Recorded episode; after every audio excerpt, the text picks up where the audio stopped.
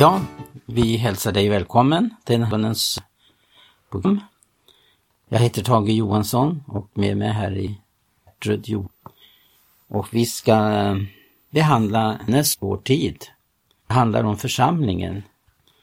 Det här var det som sagt var mycket aktuellt i vår tid på det viset att vi känner av den församlingen det är ett mera numera myntat begrepp för oss. Att församlingen, det är det som är Guds hjärteangelägenhet.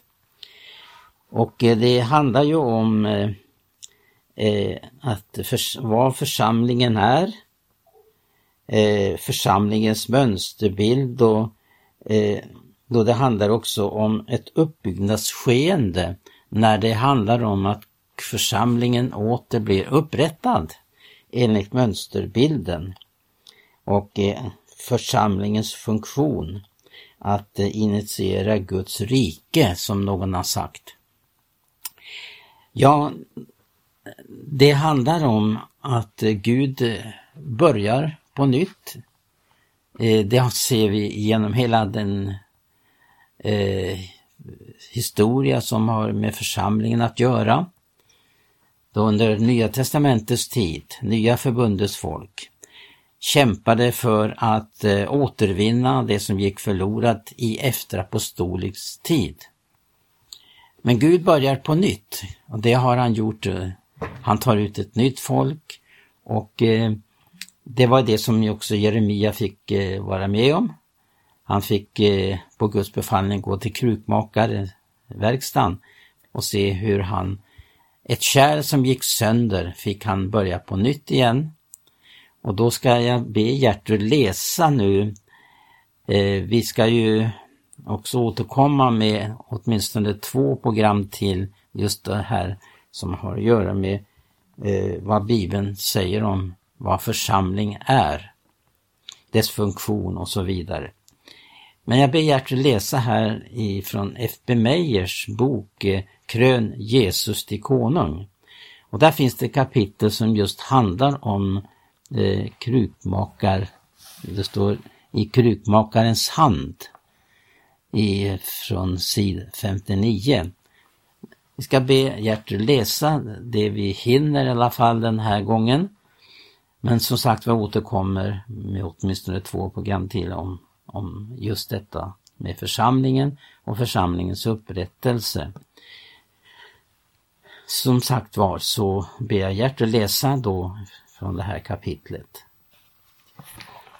Ja, det står så här. I krukmakarens hand.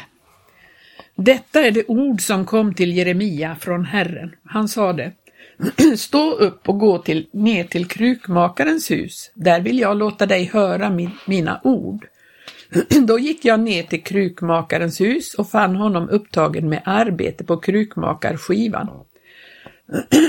och när kärlet som krukmakaren höll på att göra av leret misslyckades i hans hand begynte han om igen och gjorde därav ett annat kärl så som han ville hava det gjort. Det här står i Jeremia 18, 1-4. Jeremia var mycket nedslagen, det han hade förgäves sökt hejda sitt folks synd Guds ande tillsade honom att gå ner till krukmakarens hus så att Gud där skulle få tala till honom och inom kort stod han bredvid krukmakaren som var sysselsatt med att arbeta på ett stycke ler. Profeten hade naturligtvis ingen aning om den plan efter vilken krukmakaren arbetade eller vilken bild som föresvävade honom.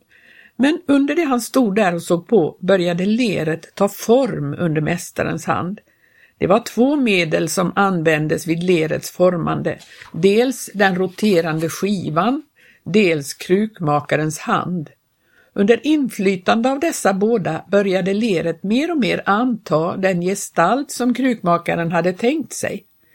Men just som kärlet nalkades sin fullbordan och profeten väntade att få se krukmakarens plan fullt genomförd, brast kärlet sönder. Fast en krukmakarens egen hand sysslade med leret följde i stycken. Det ser ut som hade profeten väntat att krukmakaren nu skulle kasta undan bitarna såsom obrukbara och ta en ny lerklump för att av den forma ett nytt kärl. Istället samlade han ihop bitarna och gjorde om dem till ett nytt kärl. I detta ögonblick framstrålar Guds plan för profetens själ. Han förstår att just på detta sätt hade Gud handlat med sitt folk och att just så skulle han själv handla med människor. Kära själ, på samma sätt vill Gud handla även med dig. Han har länge varit sysselsatt med att forma ditt liv.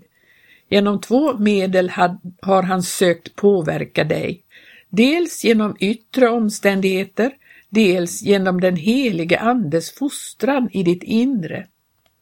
Men av någon anledning som du själv känner och som Herren känner, men som ingen människa vet om, har Gud inte fått utföra sin avsikt med dig. Det kärl vartill, han ville dana dig har gått sönder och skärvorna har fallit åt olika håll. Du har förorsakat Gud missräkning och dragit vanära över hans namn. Nåväl, kommer Gud därför att lämna dig? Kommer han att sopa bort spillrorna av ditt liv och kasta dig på avskrädeshögen såsom oduglig? Nej, Guds hand är utsträckt för att omdana dig. Det finns ingen, varken man eller kvinna, som inte Gud så vill omskapa. Det finns hopp även för dig. Jag har verkligen träffat män och kvinnor om vilka jag knappast kunnat tro annat än att de varit fullständigt bortkastade. Men så tror jag inte är fallet med dig. Det finns tårar i dina ögon. Det finns fruktan i ditt hjärta. Det finns hos dig en åtrå att bli en annan. Var vid gott mod, Gud väntar på att få göra om dig. För att inge dig mod vill jag påminna dig om tre personer som omtalas i Bibeln. Jakob förhindrade Guds verk, men Gud omskapade honom. Petrus föll djupt, men från och med pingstdagen blev han brukbar för Mästaren. Markus skadade Guds verk när han övergav Paulus i mindre Asien, men Gud gjorde sedan även honom användbar i sin tjänst. Vad Gud gjorde med dessa tre vill han göra också med dig och mig. Låt oss först och främst fråga oss själva vad Gud kan ha för avsikt med oss. I Romarbrevet 8 och 29 läser vi Ty dem som förut har blivit kända av honom, dem har han och förut bestämt till att bliva hans sons avbilder. Du frågar, hur ska jag veta att jag är bland dem som Gud har förutkänt och förutbestämt? Svaret ges i följande vers. Dem som han har förutbestämt, dem kallar han och, och dem som han har kallat, dem rättfärdiggör han och, och dem som han har rättfärdiggjort, dem förhärligar han och. Du har blivit kallad, du har blivit rättfärdiggjord och du har frid med Gud därför att du är rättfärdiggjord. Härav kan du dra den slutsatsen att också du är förutkänd och förutbestämd. Även du ska därför bliva lik Guds sons bild och det inte först i det tillkommande livet utan redan här nere. När du först såsom ett oformat stycke ler låg vid korsets fot hade Gud just detta till mål med dig, att du skulle bli lik hans sons bild. Den stund då du kom till korset inträffade kanske i din barndom eller i din ungdom, men i det ögonblicket tog Gud dig i sin hand för att förverkliga denna sin plan. Ingen utom Gud hade kunnat företa sig en sådan uppgift. Sådant var det material varmed han hade att arbeta. Guds plan kan inte bli om intet. Om du går in på att låta Gud göra med dig som han vill, ska han utföra sin avsikt med dig utan att du behöver genomgå mycken smärta. Men om du gör motstånd mot honom ska du få lida, lida. Guds avsikt skall under alla förhållanden genomföras. Gud använder som sagt två olika medel vid arbetet på att göra oss lika Kristus. Dels skivan, det vill säga de yttre omständigheterna. Dels sin egen hand eller den helige Andes verkan i hjärtat. Ju längre jag lever, desto klarare skönjer jag min faders ledning i de omständigheter som möter mig. Jag är viss om att inte något möter mig utan min faders tillskyndelse eller hans tillåtelse. Detta framgår av de ord som föregår de nyss upplästa eller av Romarbrevet 8 och 28.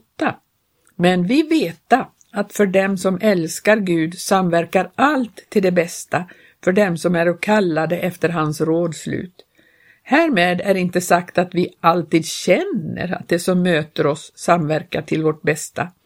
Mycket ofta nödgas vi istället säga ”jag kan inte förstå allt detta”. Men fastän vi ingenting förstår kan vi dock veta att allt ska samverka till vårt bästa.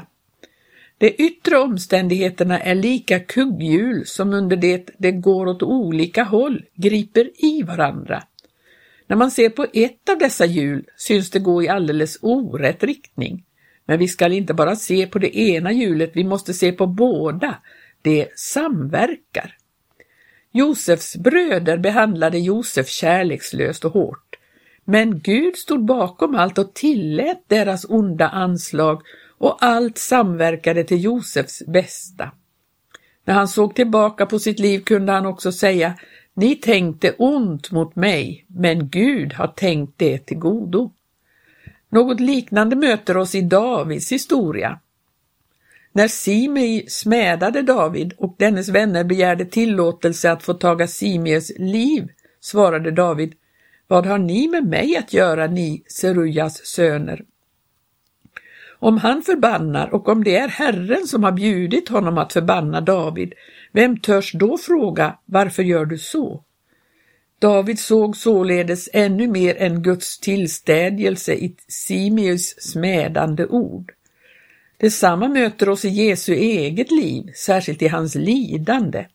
När han i örtagården blev omringad av dem som ville gripa honom och Petrus tog till svärd sa Jesus, stick ditt svärd i skidan. Skulle jag inte dricka den kalk som min fader har givit mig? Kalken räcktes Jesus av Judas hand, men han visste att fadern själv hade tillblandat den min vän, stanna aldrig vid mellanhänderna eller de synliga orsakerna utan gå ända fram till Gud. Du får tro att allt som tillsändes dig är sänt i en vis och kärleksfull avsikt. Lär av Jesus hur du ska möta vad helst som kommer. Det var en herre som en gång besökte ett dövstum-institut. När han besett anstalten skrev han på svarta tavlan följande fråga varför skapade Gud er dövstumma men gav mig förmågan att höra och tala? En liten gosse gick fram till tavlan, tog ett stycke krita och skrev just de anförda orden. Ja, fader, ty så har varit ditt behag. Det finns ingenting större i livet än att kunna säga ja åt Gud. När det inträffar i vårt liv att vi lyfts över omständigheterna och har endast med Gud att göra, då klingar hela vårt liv som ett välljud inför honom, liksom pianot under en stor artists hand frambringar den skönaste musik. Må var och en av oss stanna ett ögonblick inför just den omständighet i hans eget liv som syns honom eller henne mest prövande och sedan säga Ja, Fader, ty så har varit ditt behag. Var och en må tänka på vad som särskilt trycker honom. Sjukdom, smärta, förluster, en förlorad son eller dotter, en älskad make som lider av någon svår sjukdom. Det må vara vad som helst, du känner inte att detta samverkar till ditt bästa, men därför att du har valt att göra Guds vilja kan du utan tvekan säga Ja, Fader, ty så har varit ditt behag. Vi vill nu något stanna inför den helige Andes verk i våra hjärtan.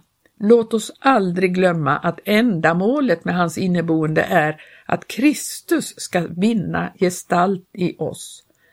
Vi har två skriftställen som tydligt framhåller detta. Först heter det i Romarbrevet 8, 9 och 10. Ni åter är icke i ett kötsligt väsende utan i ett andligt, om eljest Guds ande bor i eder. Men den som icke har Kristi ande, han hör icke honom till.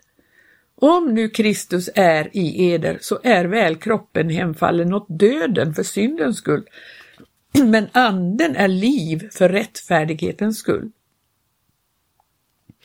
Vidare beder aposteln i Efesierbrevet 3, 16 och 17 att han ville efter sin härlighets rikedom förläna eder, att i, genom hans ande växen till i kraft till eder invärtes människa och att Kristus genom tron må bo i edra hjärtan. I nya födelsen kommer den helige Ande in i vår ande och börjar genast verka i oss för att framställa Kristus i hela vårt väsen och hela vårt liv. Om han än ofta svikes i sina förväntningar fortsätter han dock detta verk. När ett ägg lägges är där inuti ägget en liten punkt från vilken kycklingen skall utgestaltas. För övrigt uppfylles ägget av ett äggviteartat ämne. Under tre veckors tid vänder hönan varje dag ägget något litet och för varje dag blir det lite mer av kycklingen och lite mindre av äggviteämnet. Vid slutet av den första veckan är det en tredjedel mer av kycklingen och en tredjedel mindre av äggvitan.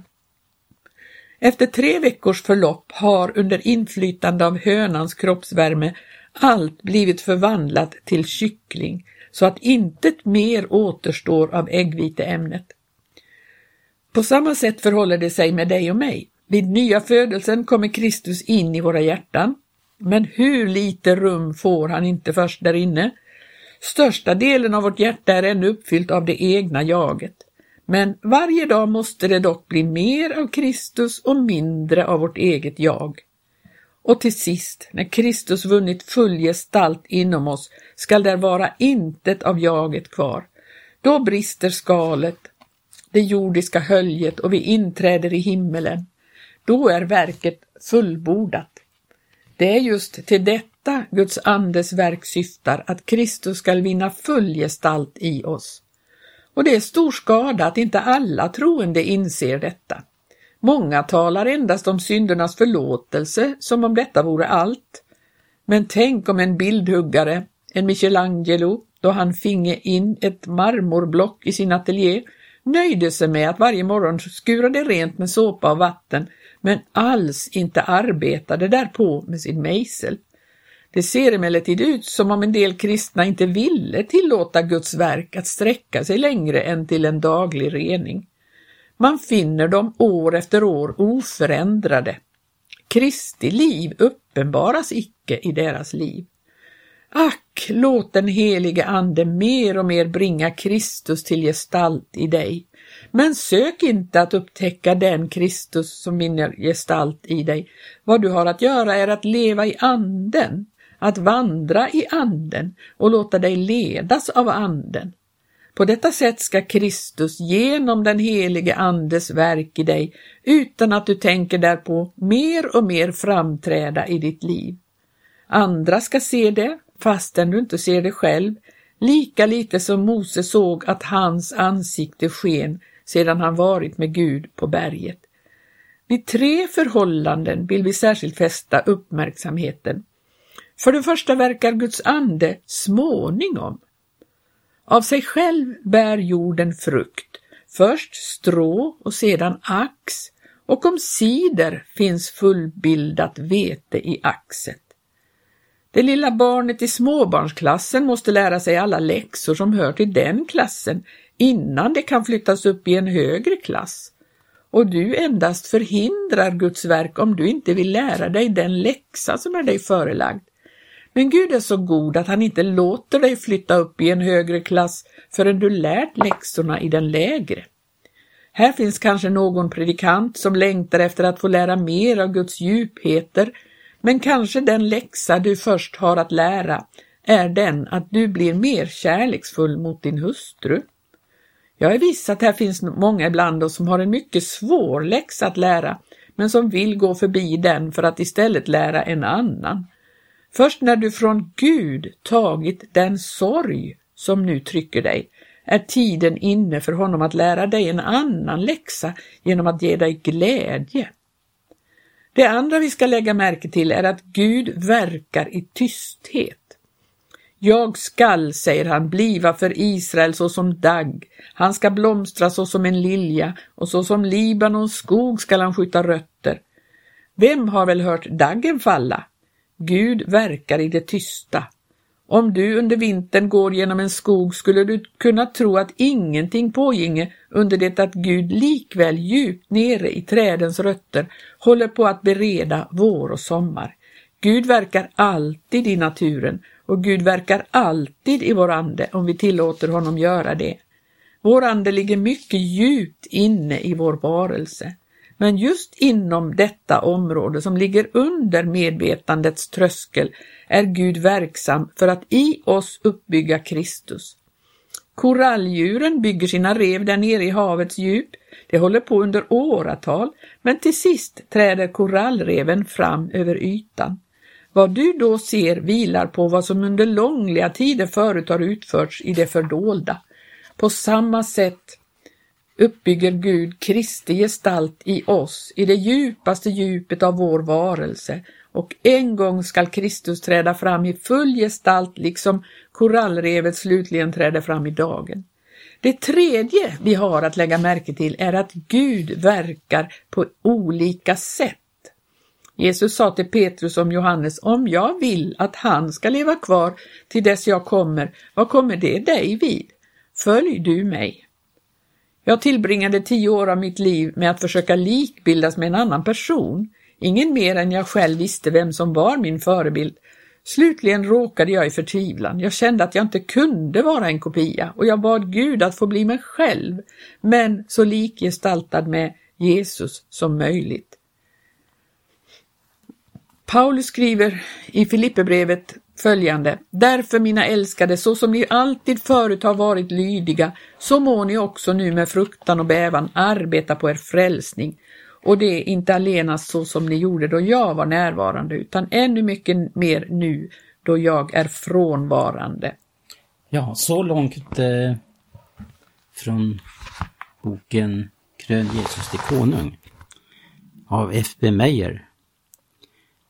Jag skall eh, eh, använda det här som eh, för att överföra det också på det gäller församlingen.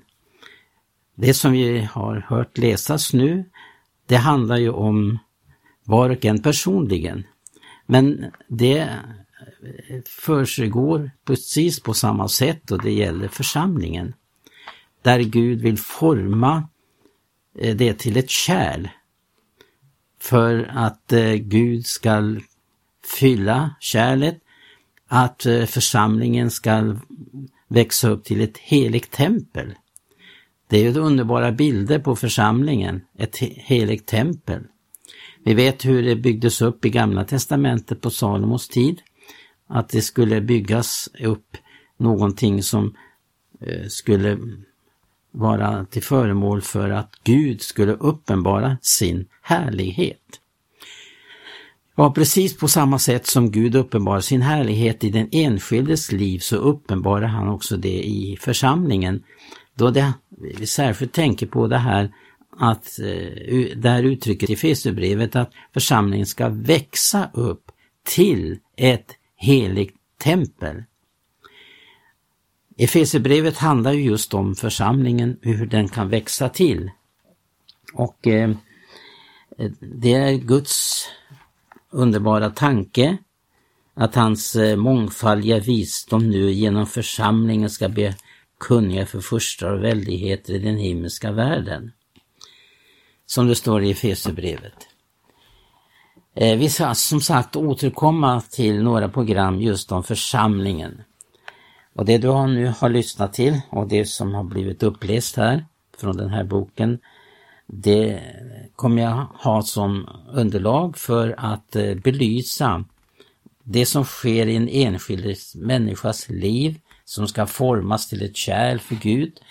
Så är det detsamma, det gäller församlingen som ska formas för att eh, det ska bli ett eh, Eh, någonting som Gud ska använda där det handlar om en fungerande livsförbindelse, lemmar tillsammans i tjänst för Gud.